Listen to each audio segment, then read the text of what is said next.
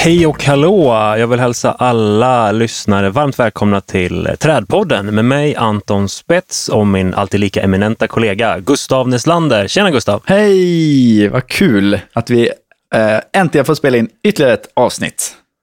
Jajamän, jajamän. Allt bra? Ja, det är, det är toppen med mig. Eh, det är ja, men en härlig känsla i kroppen och eh, alltid kul att spela in. Hur är det med dig? Det är fint. Det är, jo, det är bara, bara bra. Eh, jag insåg en sak, eh, att lyssnarna vet en sak som vi typ inte vet nu. Mm. Vi, vi missar ju en sak, för det här är avsnitt 51 och alla poddar som sig bör ska väl fira jämna tal. Det har vi helt bommat. Men det är återigen, vi kör ju kvalitet för kvantitet. ja, Ace, där, där har vi anledningen. Är det inte annars bara det var skitkul att spela in eh, en, en, en, ett tecken i tiden. Att vi överlag, tror jag, de flesta människor är så jävla dåliga på att fira framgångar, fira eh, jämna saker och ja, det måste vi bli bättre på. Ja, man har bara fokus på nästa liksom. Mm. Så det var jättekul att spela in avsnitt 50, Woo! men nu är det avsnitt 51. wow, Slut. avsnitt 51! Ja. Heja, heja. Yes. Ja, exakt. exakt. ja, gött. Vad, vad har du gjort sen sist då? Eh, ja, gud, jag har ju varit utomlands. Det var kul. Eh, vi åkte på studieresa till Berlin, hela arbetsstyrkan. Eh, nice. Superkul verkligen. Och både guidad tur och ute och käka tillsammans och sen så strosa runt lite i olika parker och kyrkogårdar och tittat på saker. Så det har varit jätteroligt. Eh, det jag tar med mig är ju att framförallt förvånansvärt dåliga träd eh, i Berlin. Alltså mm -hmm. okay. eh, EAC, som är European Arboriculture Council, tror jag. Eh, mm -hmm. De har sitt huvudsäte i Berlin. Okay. Det, är liksom, det är lite skämskudde. Det är verkligen riktigt dåligt. Och det, de vi pratade med om träd så var det stort fokus på risk. Liksom. Ja, men det Ja, ja, men varför har ni toppkapat så många träd? Ja, men ni förstår, det är ju livsfarligt med alla grenar som trillar och så vidare, så man måste ju hålla efter dem. Det är väldigt viktigt. Liksom. Jag tror den här FLL och liksom tysk standard som har letat sig in där och, och, och ställt till det lite.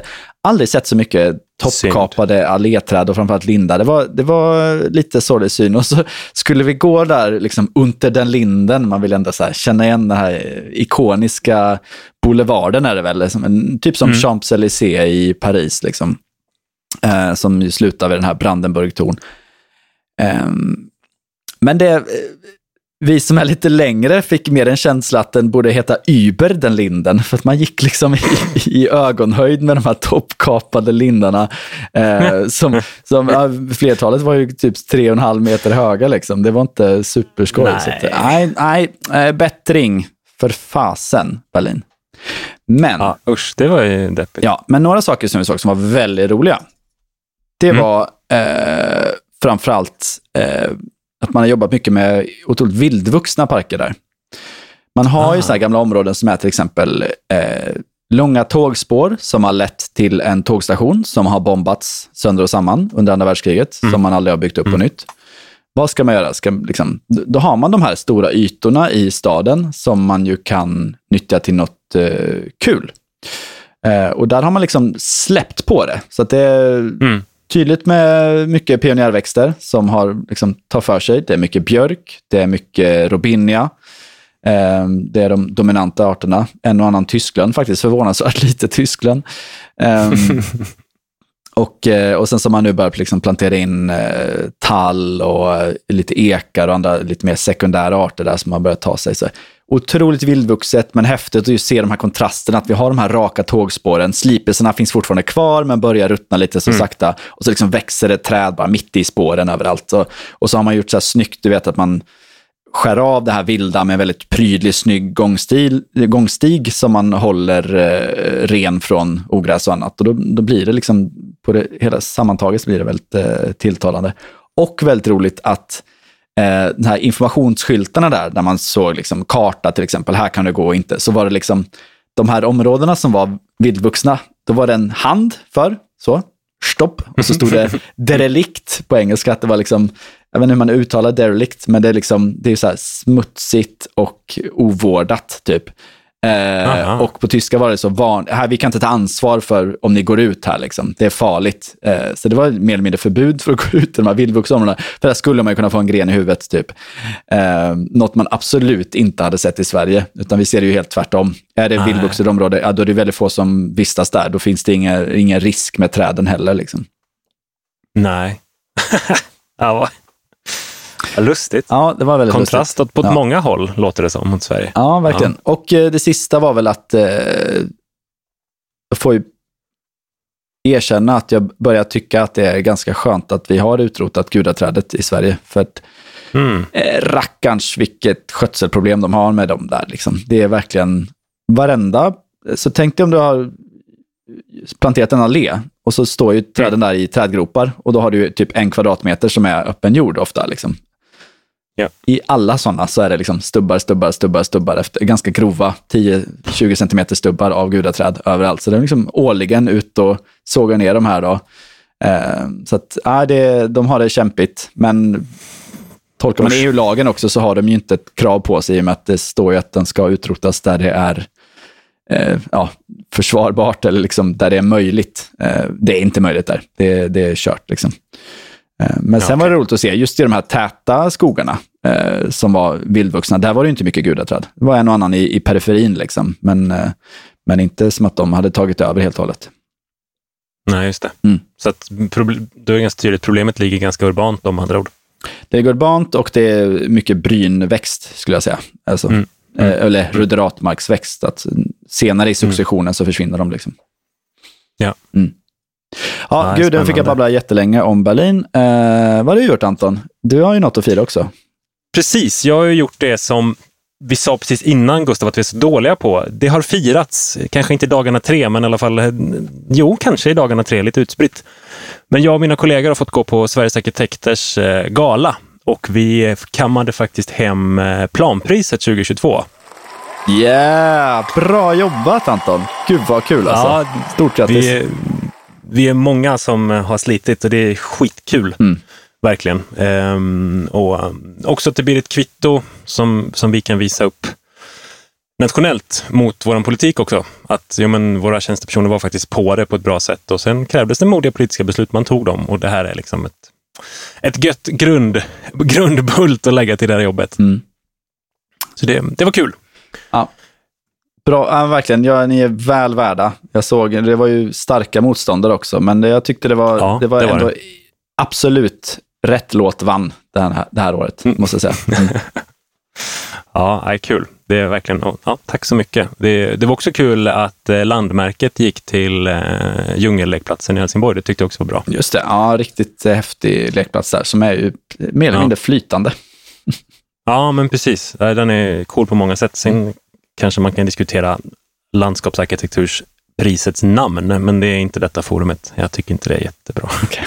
Landmärket. Ja. Ja, ja, ja. Mm. Det, det, är en annan femma. Nej, men ja, så det har jag gjort eh, och kommer fortsätta och suga lite på den karamellen framgent också faktiskt. Men du, dagens avsnitt då. Ehm... Nej, innan vi går in på det faktiskt, så ska vi, vi, har, tagit, vi har fått ja, in lite inlägg på sociala medier. Det tycker jag vi ska... Ja, det har vi. Ehm, det... Tack för att du påminner mig. Ja. Vi har ju dels då, vi snackade på förra avsnittet om bok, eh, så pratar vi om den här klottervänligheten eller bokens stam är som en bok eller en öppen anslagstavla. Vi har fått massa fina bilder mm. eh, på sociala medier där folk har klottrat på bokträd. Mm. Jättekul, fortsätt skicka sånt. Du har hittat ett tillgängligt Eh, förra premiärministern i Tyskland, det var hon va?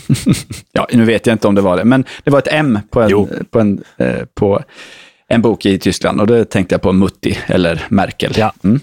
Ja precis. ja, det var kul.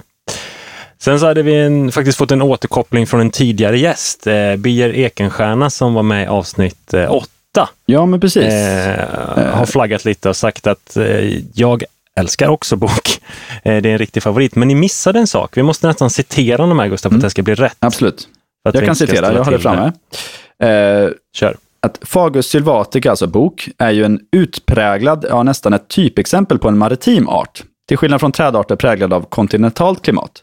Alltså, Fagus sylvatica drar full fördel av långa utdragna vårar och höstar och inte fullt så varma somrar.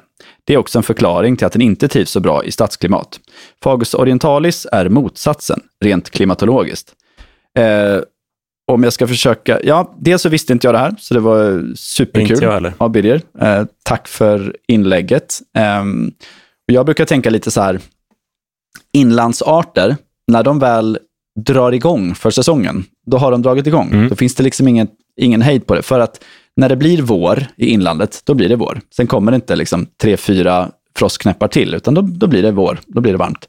Eh, det är kallt under en längre period och sen så blir det varmt. Eh, vi som bor lite mer maritimt vet att eh, våren luras många gånger om och det kan vara jättevarmt i januari och sen så blir det superkallt i februari och så jättevarmt i mars och sen så kan det komma en frostknäpp till i april.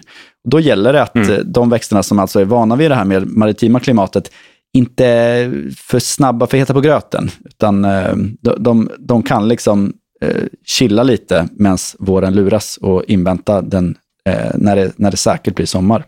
Så det är också en, en Ja. annan ja, en nackdel med att vara en maritim art och eh, också en fördel. Eh, förlåt, det är en nackdel med att vara en inlandsart och bli planterad i, eh, i maritimt klimat. Till exempel. Just det, Mm. precis. För man åker dit kanske Mm. lite oftare. Ja, nej, men exakt. Men, klockrent Birger, det där var ett jättebra tillägg. Vi älskar sådana där grejer när vi också dessutom får lära oss reella saker som vi missat. Det är superbra. Ja, Tack. det blir lite förskjutning här i och med att det för förra avsnittet som handlar om boken, men det är för att vi spelar in så.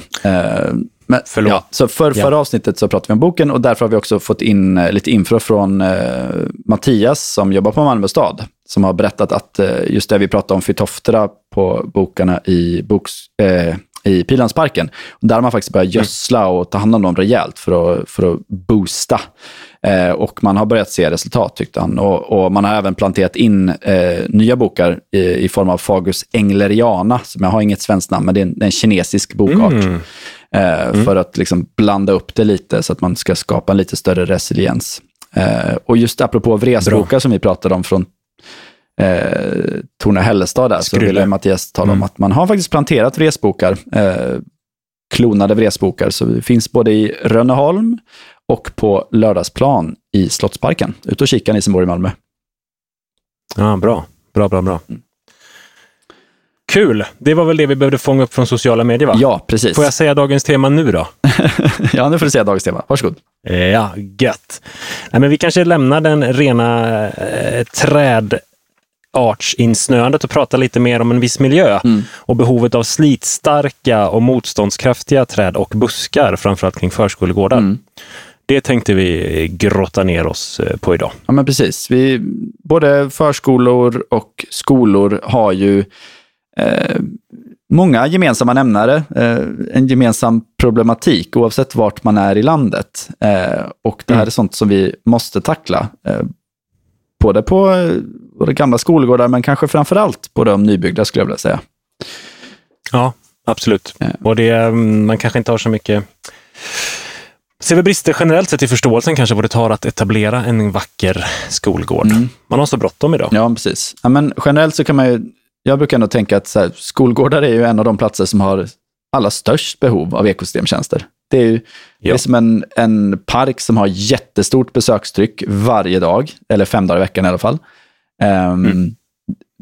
Det är eh, en av våra mer känsliga grupper i samhället som, är, som vistas där. Känslig för UV-strålar, känslig för eh, kraftig eh, hetta eller vet det, värmeböljor. Ehm, Ja. Ja, så det, och därav så har vi ett stort behov av ekosystemtjänster. Vi har ett stort behov av stor biomassa och eh, stor grönska, stora träd. Ehm, Mm. mm. Och också ett behov av, av väl gestaltade platser där man både då kan tillgodose trygghet men också tillgodose någorlunda dolda slutna rum för barns lek också. Så det är liksom ytterligheter även där. Mm. Ehm, så att ja, kravet på de här miljöerna är stora. Alltså en kort reflektion till när man själv var liten. Hade man haft eh, antingen alltså långa lektioner sammanhängande, i alla fall om man gick i låg och mellanstadiet, eller en, Mm. en lektion som inte var så kul, eller det var bara jobbigt, liksom, då ville man kanske hitta en egen vrå att bara så här på rasten på en kvart kan jag få ändå gå och sitta för mig själv en stund och sen så är det bara att köra igen. Och kan inte den leveransen finnas på en skolgård så är det ju problem. Det finns ju massvis med forskning. Dels det som visar på att behovet av att se grönska från ett skolfönster, att, eller eh, ja. lektionssalen, att det, det ger det bättre studiero och, och bättre effekt på studierna. Eh, också behovet att, av att kunna liksom, ja, se något annat på rasten. Eh, och sen mm. finns det supermycket forskning som visar på just det här eh, att det är extremt viktigt för barns utveckling att få vara i fred, att få gömma undan, kunna gömma sig, framförallt från vuxna. Eh, att få ha de här vrårna ja. som är bara barnens. Och det, där kommer de här lekbuskagen in som så otroligt viktiga element. Trädpodden tackar vår sponsor Stångby plantskola. Stångby producerar växter av högsta kvalitet och är en av Sveriges största producenter av E-certifierade träd. Med ett E-certifierat träd från Stångby vet du trädets proveniens och kan vara säker på att trädet är härdigt och virusfritt. Vill du läsa mer om Stångbys sortiment av e-plantor? Gå in på stångby.nu. Tack Stångby! Utan ert stöd hade vi inte kunnat göra Trädpodden. Eh, jag tänkte jag skulle måla upp lite liksom, hur jag ser den här typiska skolgården. Um, mm. Om jag tänker tillbaka lite till min barndom också, de olika skolgårdar jag har uh, fått uh, leva mig igenom. Ofta ganska helt okej okay skolgårdar ändå. Um, men vi har den här platsen där det är, uh, dels har vi träd där somliga grenar kanske faktiskt eh, nås av barn.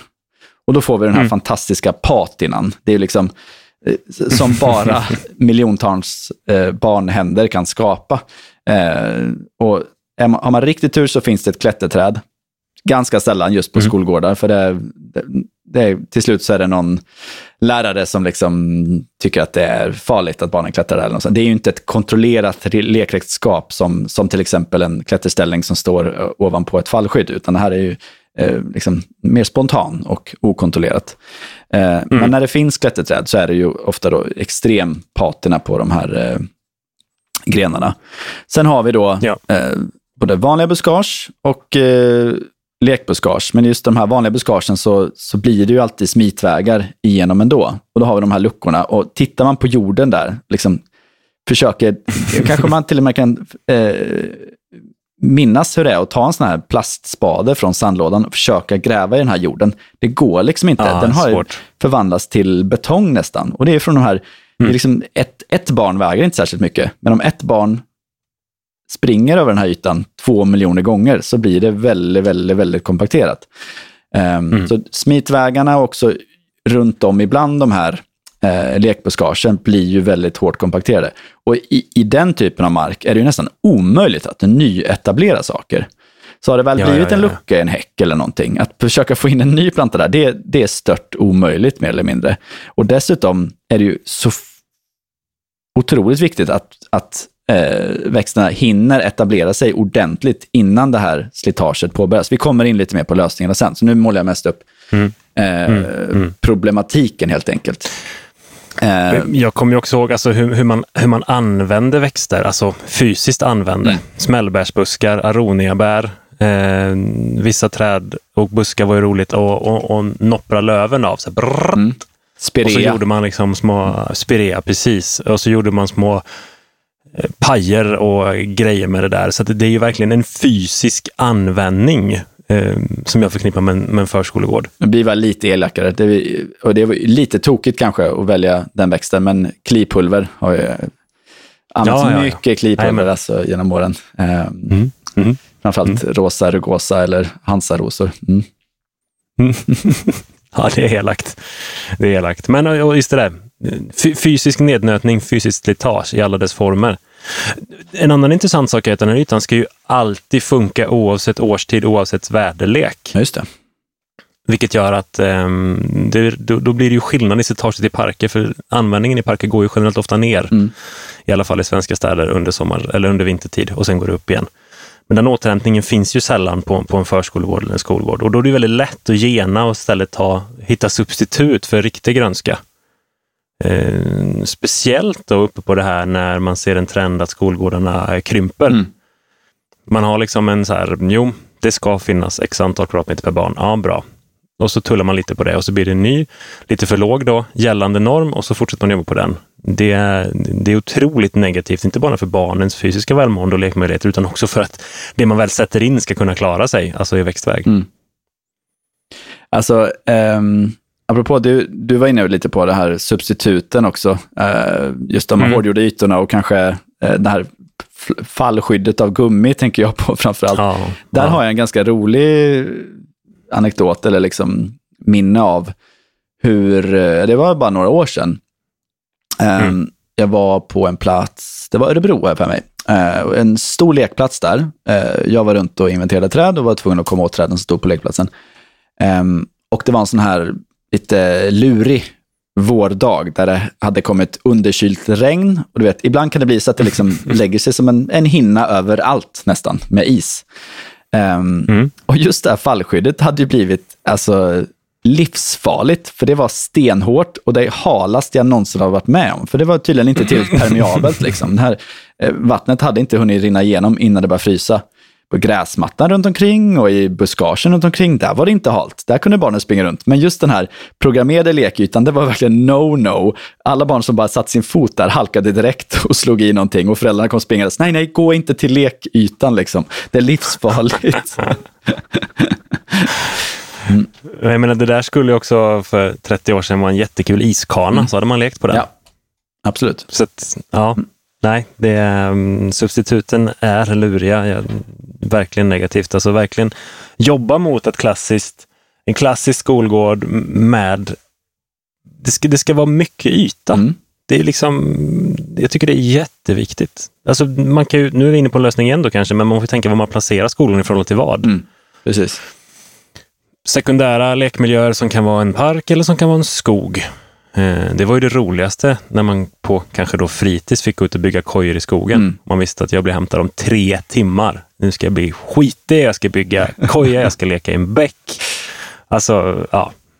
Det är svårt att se det idag kanske. Ja, jag har ju, eh, får jag outa min, eh, min son här lite. Han, han, han går på en skola som byggs om.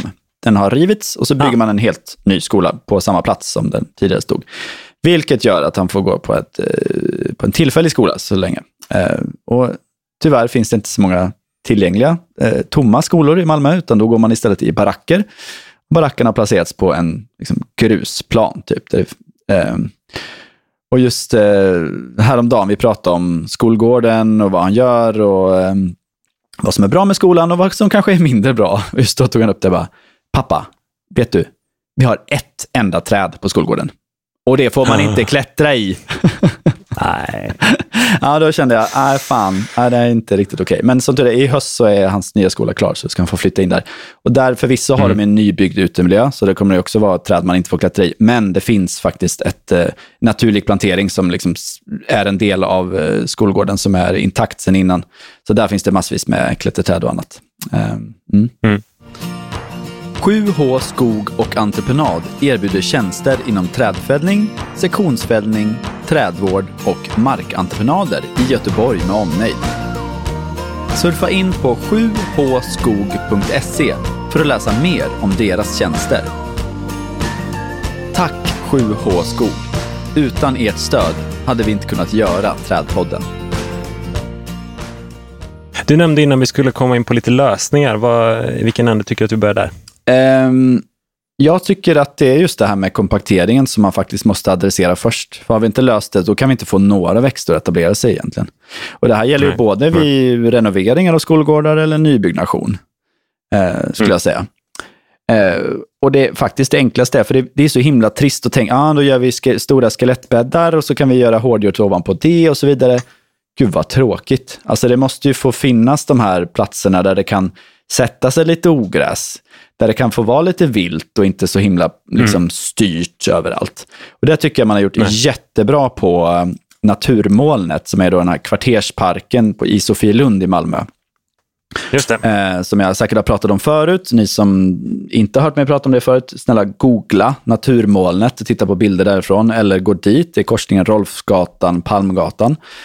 Eh, och det är min eh, kompis Johan Nordström som har eh, planerat mycket av den eh, när den byggdes eh, för, av Växtverket. Men där ville man helt enkelt ha en stor grönyta. Man ville att den skulle vara tillåtande för barn att springa runt i. Man vill mm. kunna plantera ut mm. lökar, perenner, buskar, fruktträd och annat på en och samma yta. Men ändå liksom förvänta sig ett högt slitage. Och då har man helt enkelt byggt upp hela växtbädden och hela ytan av eh, kolmakadam med en ganska fin fraktion, typ jag vet inte, 4-8 eller något sånt. Jag får, mm. Välkomna att höra av er om jag sa fel fraktion, men den är i alla fall ganska fin. Eh, det är ett, ja. ett, ett, fint grus liksom. Um, och eh, ja, med kolmakadam. Och det, dels så växer ju växterna bra där, men det man ser framför allt är ju att det blir inte kompakterat. Barnen springer, springer, springer, de har sina små stigar. Det finns lite stenar utlagda hur, uh, huller om buller som man skulle kunna så här, stepping stones hoppa runt på. Men jag tror att barnen skiter i det och mm. går utanför. De bildar sina egna stigar. Det är också bara något jag vill slänga in. Det är ju hopplöst att programmera en stig. Att förvänta, ja, ja, ja. Att, att tänka, ja nu vet jag precis hur alla kommer röra sig. Nej, det är det bättre att bara låt släpp på ungarna och sen gör ni stigen där de, där de har gjort mm. sina stigar. Liksom. Hur som helst, eh, den här kolmakadammen håller ju för eh, vikten och kompakteringen i och med att det är stenar som liksom ligger mot varandra och inte kompakteras. Så det, även om man springer och, och, och, packar den här marken så finns det massvis med luftfickor under hela tiden. Och då, då har vi ett fungerande gasutbyte och så biokolen i detta då, och komposten som är inblandad gör att det finns ett aktivt mikroliv. Um, och växterna bara växer så det knakar. Det funkar jättebra. Liksom. Och det är det som är så kul. Då kan du ja. till och med så ut lite ängsväxter och annat. Du kan blanda hej vilt och, och, och visst, de som är just där barnen går, de ängsväxterna, de kanske stryker med, men merparten tar sig faktiskt. Just det. Mm. Just det. Ja, men det är nice. Ja. Eh, jag tänker också... Jag sa det egentligen innan, men det beskriver lite problemet också att lägger man väl planteringar, se till att de är väl tilltagna. Mm. Det ska liksom inte vara att man gör någon, återigen något minimikrav och så trycker man in det, utan se till att de blir stora. Sätt rejäla, svårforcerade avspärrningar.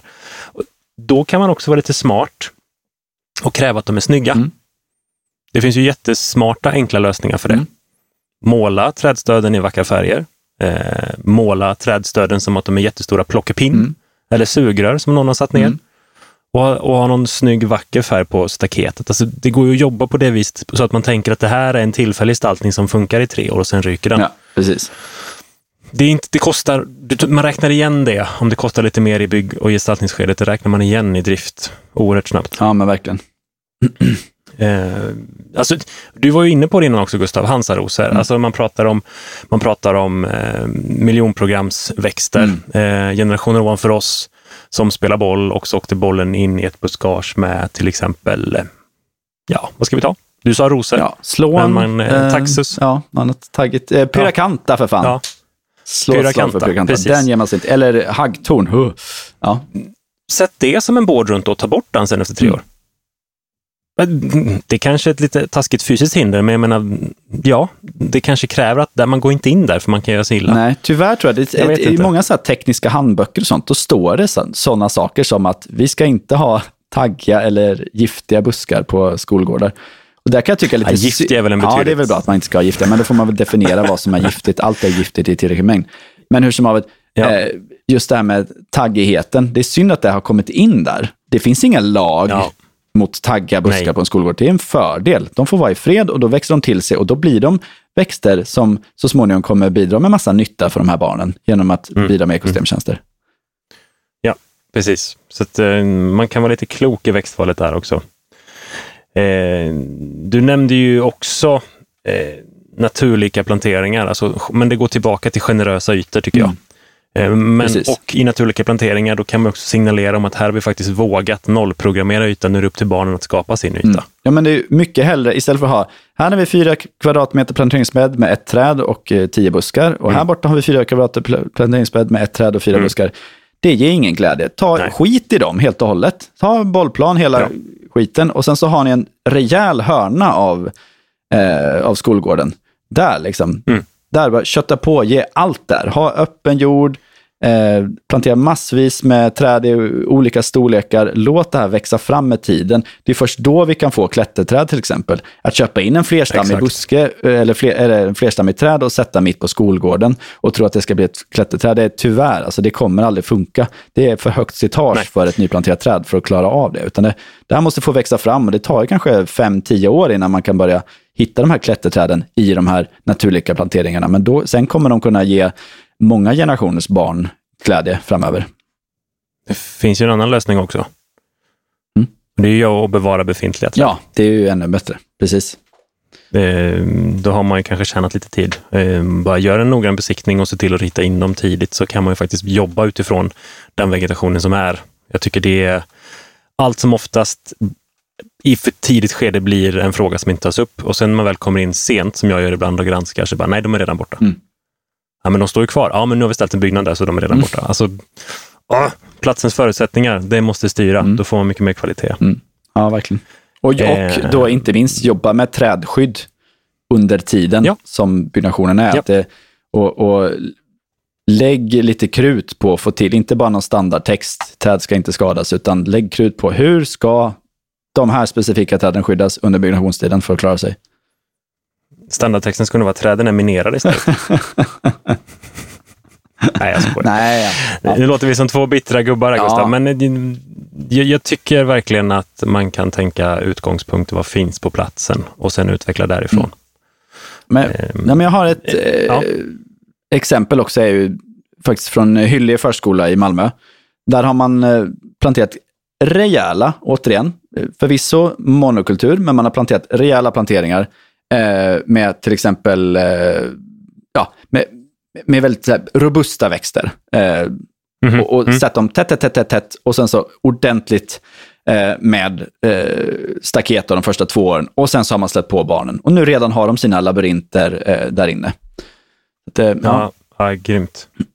En annan kul feature som man skulle kunna lägga till i naturliga planteringar som jag sett på en del ställen, det är att man faktiskt ger förutsättningar för att ha ett upplag för att eh, bygga kojmaterial. Mm. Så att man väger in det i, i skötseln på de här naturklimateringarna som man ibland måste gallra. Då ser man till att man sparar det man gallrar och sen blir det kojbyggematerial. Just det. Det är ju superbra. Det är en superbra feature. Eh, och inte såklart inte styra det för mycket, men bara säga här borta ligger pinnar. Ja, Så. precis. Och inte köra bort det. Det är ett jättevärde. Vill man ha mer inspiration så tycker jag också man kan eh, kolla in lite det här, det som kallas för lekotoper. Alltså där finns det mycket Ja. skrivet om. Eh, och det är ja, fantastiskt eh, kul koncept. Och det är ju lite det vi pratar om, liksom, att man ska ha en, en naturlig miljö och kanske låta leken styra vad som kommer hända med miljön snarare än att programmera lek med hjälp av miljö eller natur. Mm. Ja, Örebros arbete var också nominerat till planpriset i år, Mm. eller 2022. Så att, ehm, de har gjort riktigt bra och intressanta Mm. grejer. In och kika lite på vad de har gjort där. Gör det. Japp, japp. Ehm, vad ska man då använda för växter? Mm. Vi har tangerat några. Mm. Ehm, men om vi, om vi börjar nerifrån upp. Buskar. Ja, men precis. Ja, vi? skiter i perennerna, det, det får någon annan ta. Eh, Ja. En annan podd. Här håller vi oss till vedartat i alla fall. Ja. ja, men jag är inne på just de här taggiga buskarna, tycker jag är kanonbra. Eh, och, och vissa av dem ännu bättre än andra. Men pyrakanta är ju en sån här riktigt bra växt som får vara i fred och har ändå många estetiska kvaliteter, går att klippa, men eh, går också så, att så småningom låta bli, eh, eller så småningom kommer det bli någon slags labyrint eller lekbu, eh, lekbuskage av dem också. Eh, Mm. Pyrakanta heter eldtorn på eh, svenska. Eh, en annan taggig sak som jag nämnde innan var ju Grategus, eller haggtorn, eh, såklart. Mm. Och sen så Mm. eh, något som jag, eh, ja just det, jag nämnde det, Hyllie förskola jag nämnde innan. Och där, ett av de där lekbuskagen, då har man satt tätt, tätt, tätt, tätt, tätt med eh, Eliangus angustifolia, smalbladig silverbuske. Som liksom, Din, din favorit. ja men den är jättetaggig, den är kvävefixerande, den är torktålig och värmegynnad. Um, ogiftiga bär, men jätteäckliga. Så det är liksom, allt, allt är toppen. men det är just där kan man se, den, är, den där förskolan är inte gammal. Och där kan man se att där har de rejäla labyrinter inne i det här buskaget redan och får vara i fred. Och det, Mm. buskaget det är ändå kanske, ja, kan det vara, 10 gånger 15 meter, så det är hyfsat tilltaget. Liksom. Det kunde varit ännu större, Mm. men, men Mm. absolut. Mm. Alltså buskträd i sammanhanget också, eh, Salix caprea sälj. Ja. Det har man ju kanske också en ganska god utveckling på. Det, det, det är ju liksom, det är otroligt slithålligt, men delar där kan faktiskt bli kvar och bli träd och kan bli ett jättebra klätterträd. Ja, och växer snabbt. Eh, Ja. snabb leverans. Så det är ju superbra. Ja. Sen så något jag Ja. bara jag minns liksom från barndomen, det är ju Sambucus nigra faktiskt. Som när den väl, om den får stå själv i, någon, i ett buskage ett tag och sen så småningom klipps fram så kan det bli det här perfekta klätterträdet. Jag, jag minns den patinan på det här fläderträdet som jag lekte på på, Ah, ja, eh, på förskolan. Eh, jag faktiskt, Mina föräldrar bor fortfarande väldigt nära den förskolan och den, den fläderbusken står kvar, samma som jag klättrade i när jag var Cool. liten. Liksom. Det är ganska mäktigt. Eh, häftigt. Och den är bra grenvinklar också. Som liksom, den är stabil. Ja, en sista sånt buskträd jag vill Ja. ta upp det är ju koreatry, Lonisa ramaki, som också kan behöva lite tid på sig. För att, men alltså, det, oh my god, så magiska klätterträd det finns av den eh, arten. Helt otroligt vackra. Nice, nice, nice. Bra, det var buskarna lite snabbt och lätt. Om vi hoppar in på träd Mm.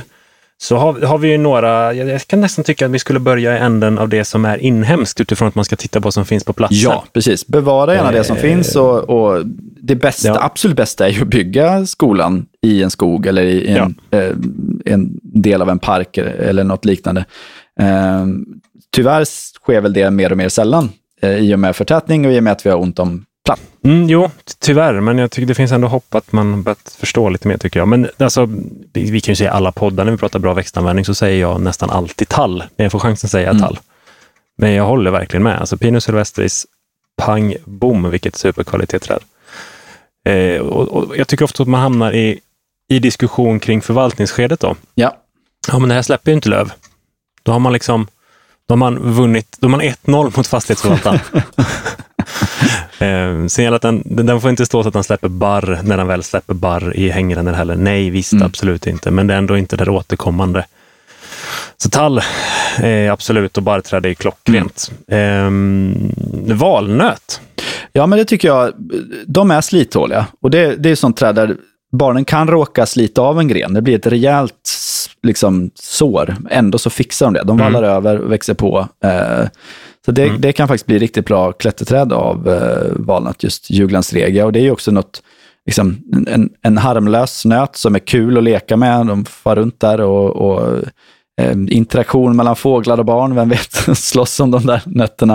Eh, nej, men, eh, men ett, eh, ett toppenträd och det är något man kan liksom, ta in och använda sen på lektionen också. Kanske färga papper eller kläder med saften från valnötterna Ja. blir de, eh, och, och, och sen så torkar de och äter dem. Ja, ja. Och, eh, nu har vi skrivit upp eh, tysklön, men jag tycker också skogslön utifrån vad man kan göra i det pedagogiska materialet. Vi har ju pratat om eh, lönnhöstkronan flera gånger Ja, precis. eh, som den kvaliteten. Men eh, ja, nu sa jag en eh, eventuellt invasiv art. här. Ja, men precis. Eh, Tyskland är ju på många rödlistor och på eh, Artdatabankens eh, lista över eh, potentiellt invasiva främmande arter. Och ligger Mm. högt upp på den. Det är så big red flag. Jag tycker det var så himla... Ja, nu... Ja, vi är nyanserade. Nyss sa jag att det var tur att vi har utrotat gulaträdet och nu ska jag försvara Tyskland. Nej, men jag tycker det är viktigt att vi är nyanserade. Och några som också tycker det Ja. är ekologigruppen. Jag vill bara alltså, ge en riktig eloge för, eh, nu ska vi se vad han hette på ekologigruppen, Emil Åsegård och Björn Nordén har skrivit Mm. eh, ett försvarstal. Ett försvarstal för den förkättrade tysklönnen eh, som går att hitta på LinkedIn men också publicerat i Svensk Botanisk Tidskrift mm, 117, nummer 117. Så här, rykande Mm. färskt. Och eh, ja, men jag blev så glad när jag läste detta, just att det var den här, den här eh, nyanseringen av Ja. Eh, och, och, att, och att vi, även om vi ska akta oss för potentiellt invasiva främmande arter, måste nyansera det här. Vi kan inte bara ha ett ord, att det är en potentiellt invasiv främmande art. Det måste finnas fler begrepp, fler nyanseringar, vad, eh, och, och vad som kan försvara en art också. Um, och det är ju det vi har varit inne på, kritiken mot listor. Mm. Det blir noll eller ett ja. när man tittar och det är jätteskönt att ha en lista. Har ni tittat på invasiva artlistan? Ja, det har vi. Bra, check. Mm. Då är det en kvalitetsstämpel på det här projektet. Ja, har, ni, har ni tittat på så, giftiga bärlistan? Ja, check. Bra. Mm. Check. Finns det några taggar? Nej, check. Åh, oh, vad skönt. Men håller vi på så där så har vi snart dödat eh, större, ytterligare en stor del av biologiska mångfalden. Nej, men för jag, dels så vill jag bara säga, Tyskland är ju ett fantastiskt träd för i och med att det, det är en här typisk rudratmarksväxt som, som gärna mm. slår rot där det har varit störd mark. Eh, och vad, vad liknar rudratmark om inte en skolgård? Liksom. Eh, så de är ju robusta oh ja. träd som klarar av lite av den här mer kompakterade ytan, som klarar av ganska hårt slitage eh, och växer fort och, och dessutom blir stora och relativt långlivade. Så att det, mm. Och, och, och, man skulle nästan kunna eh, ha en utvecklingskurva. Så här, vad kan det bli av ruderatmark? Ja, man kan utveckla den eller så kan det förbli ruderatmark genom att bli en skolgård. Ja, precis. Och till slut så i successionen så kommer det ju bli liksom en, en, en, en naturlig mark ändå. Eh, ja, Men jag bara, lite långsamt. om det här försvarstalet då från Emil eh, och Björn på ekologigruppen. Så dels så tar de ju upp då att Tyskland är ju nära på inhemsk och eh, det här, om det här tvistar väl de lärde, men eh, boken var ju utrotad från Sverige i och med eh, istiden, eller inlandsisen. Mm. När den sen drog sig tillbaks, ja. då lyckades boken invandra till Sverige tack vare att den, den tyckte man om. Det var en trädart man, man värnade om. Liksom. Eh, eh viktigt eh, virkesträd och, och bränsleträd. Medan eh, i Danmark för typ 3000 år sedan så, så fanns tysklönnen etablerad i Danmark där. Men man använde sig mycket av svedjebruk där och har liksom typ utrotat den från Danmark. Eh, så, så det de argumenterar för är ju, ja men om inte människan hade lagt sig i så hade den etablerat sig i Sverige ändå. Eh, mm. Och sen så just det här med att den är, den är snabb men inte dominant. Och det är viktigt att lyfta fram det. Att ja, den är snabb, den växer bra på ruderatmark, men där den växer naturligt, i Tyskland till exempel, så växer den gärna tillsammans med bok i bokskogar. Där den då ja. växer upp tillsammans med bokarna i hög konkurrens och, och, eh, och är dominerande de kanske första 60 till 80 åren. Men sen så växer bokarna om och då dör de här eh, lönnarna av, för de klarar inte av skuggan som blir under en bok. Um, och... Eh, Klassiskt pionjärartsfunktion. Ja, precis. Och det finns också mycket som pekar på att den är potentiellt positiv för den biologiska mångfalden. Det finns ju många associerade arter som, eh, som, som vi klassar som rödlistade som faktiskt gillar eh, Tyskland. Eh, ett exempel här är ju att de har hittat eh, eh, sydlig blekspik som en rödlistad svamp på en äldre Tyskland i eh, Lund till exempel. Ehm, mm. Så att, ja, men viktigt att nyansera det här och se så här, ja men okej, den beter sig invasivt. Finns det fördelar med den ändå? Finns det något som den kan bidra med? Och här är ju en art som inte liksom kommer från östra Asien, utan den, den har ju liksom, vi håller oss i, i eh, eh, norr-syd eh, istället. Mm. Um, mm. In och läs den här. Ja, länkar gärna. Ja. Mm. Vi lägger upp den eh, kopplat till avsnittet mm. här, absolut. Eh, tillägg, Björn jobbar inte på ekologigruppen. Ah, Han är forskare vid Norsk institut för naturforskning Tack. i Oslo. Eh, men oavsett, Emil och Björn, jättebra jobbat. Ja. Sånt här vill vi se mer av, verkligen. Mm. Intressant. Vi vill tacka vår sponsor Mareld Landskapsarkitekter. Mareld bidrar med grönblå design för en hållbar livsmiljö genom innovativ landskapsarkitektur med hjärta och mod. Tack Marel Landskapsarkitekter. Utan ert stöd hade vi inte kunnat göra Trädpodden. Om vi hoppar tillbaka till lite då, då har vi pratat träd som då kanske, jo, vi har lite mer inhemsk kvalitet, men vi kan bara nämna det kort. Alltså en, en ek på en skolgård befintlig är ju superkvalle. Ja. Bok, av en bok också. Mm, mumma. Ja. Ja. Men just de här stora träden. Absolut. Men det blir ju lätt däremot, ska det planteras in nytt, ja då strösslar man gärna med rönn och oxel och träd som helt enkelt inte blir särskilt stora. Ja, man, ska ha, man kan ha riktig tur om man ska få till en stor oxel. Ibland kan de bli någorlunda stora, men generellt sett, nej, det, det blir liksom inte så mycket av dem. Och barnen behöver skugga, det flyger snälla. Inte, mm. Ja, ja. ja och det, alltså rönnar blir inte gamla, de är inte alltid sådär supersnygga heller om de får slitage på sig. Mm. Det, det, är bara så. Nej. De behöver stå ett bestånd, tycker ja, jag. Precis. Ja, vi släpper det inhemska då om vi eh, tar ett litet till barrträd, mm. serbgran. Ja, precis. Varför är den så ja, bra? För att den är... Pissia morica? Den är både bra och inte bra. Nej, men den är bra för att den eh, är lite torktåligare och lite slittåligare än, ja. eh, än en rödgran. Um, jag har sett den prestera väldigt bra i hårdgjorda ytor, så det, det är helt enkelt det jag mm. baserar det på. Men också för att eh, det är viktigt med barrträd. Det är det.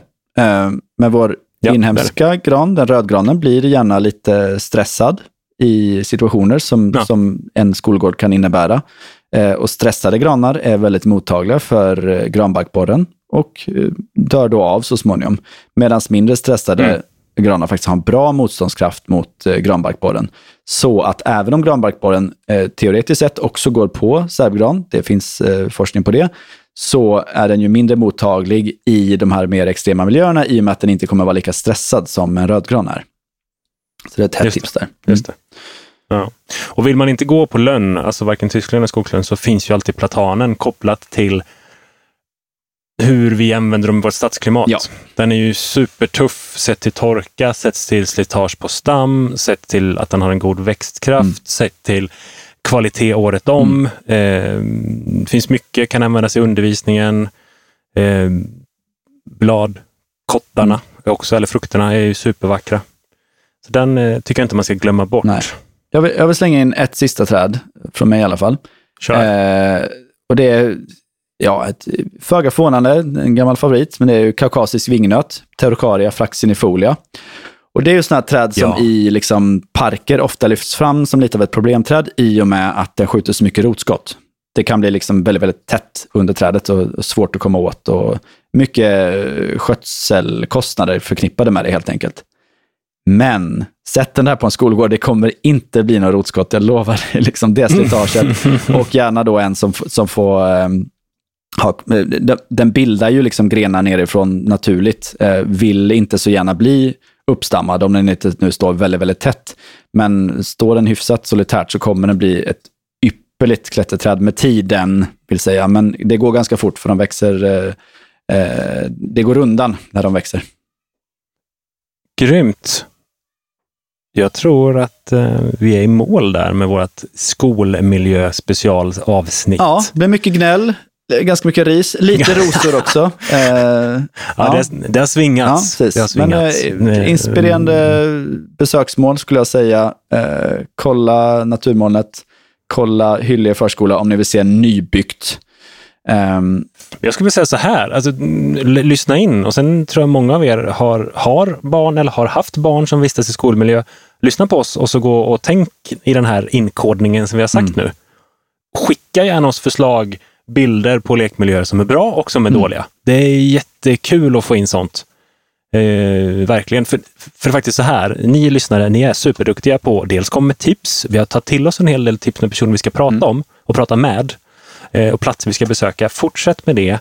Men just kan man få de här eh, vardagsögonblicken från er sätt när ni har tittat på, oj den här skolmiljön, vad bra den var. Eller besök eran, eh, eran skola som barn mm. och se vad som har hänt med den. Jag kan säga att jag har gjort det. Eh, jag passerar den ibland. Eh, och eh, trädkronsteckningen har gått från 20 till 3 kanske. Nej, vad tråkigt. Det är så deppigt. Så kom in med era bilder och fortsätt föra den här diskussionen. Verkligen. Men du, då tackar vi för idag eller? Det tycker jag vi mm. gör. tack för att ni har lyssnat. Vi finns i sociala medier. Ha det bra tills nästa avsnitt. Mm. Hej då! Hej då, hej då!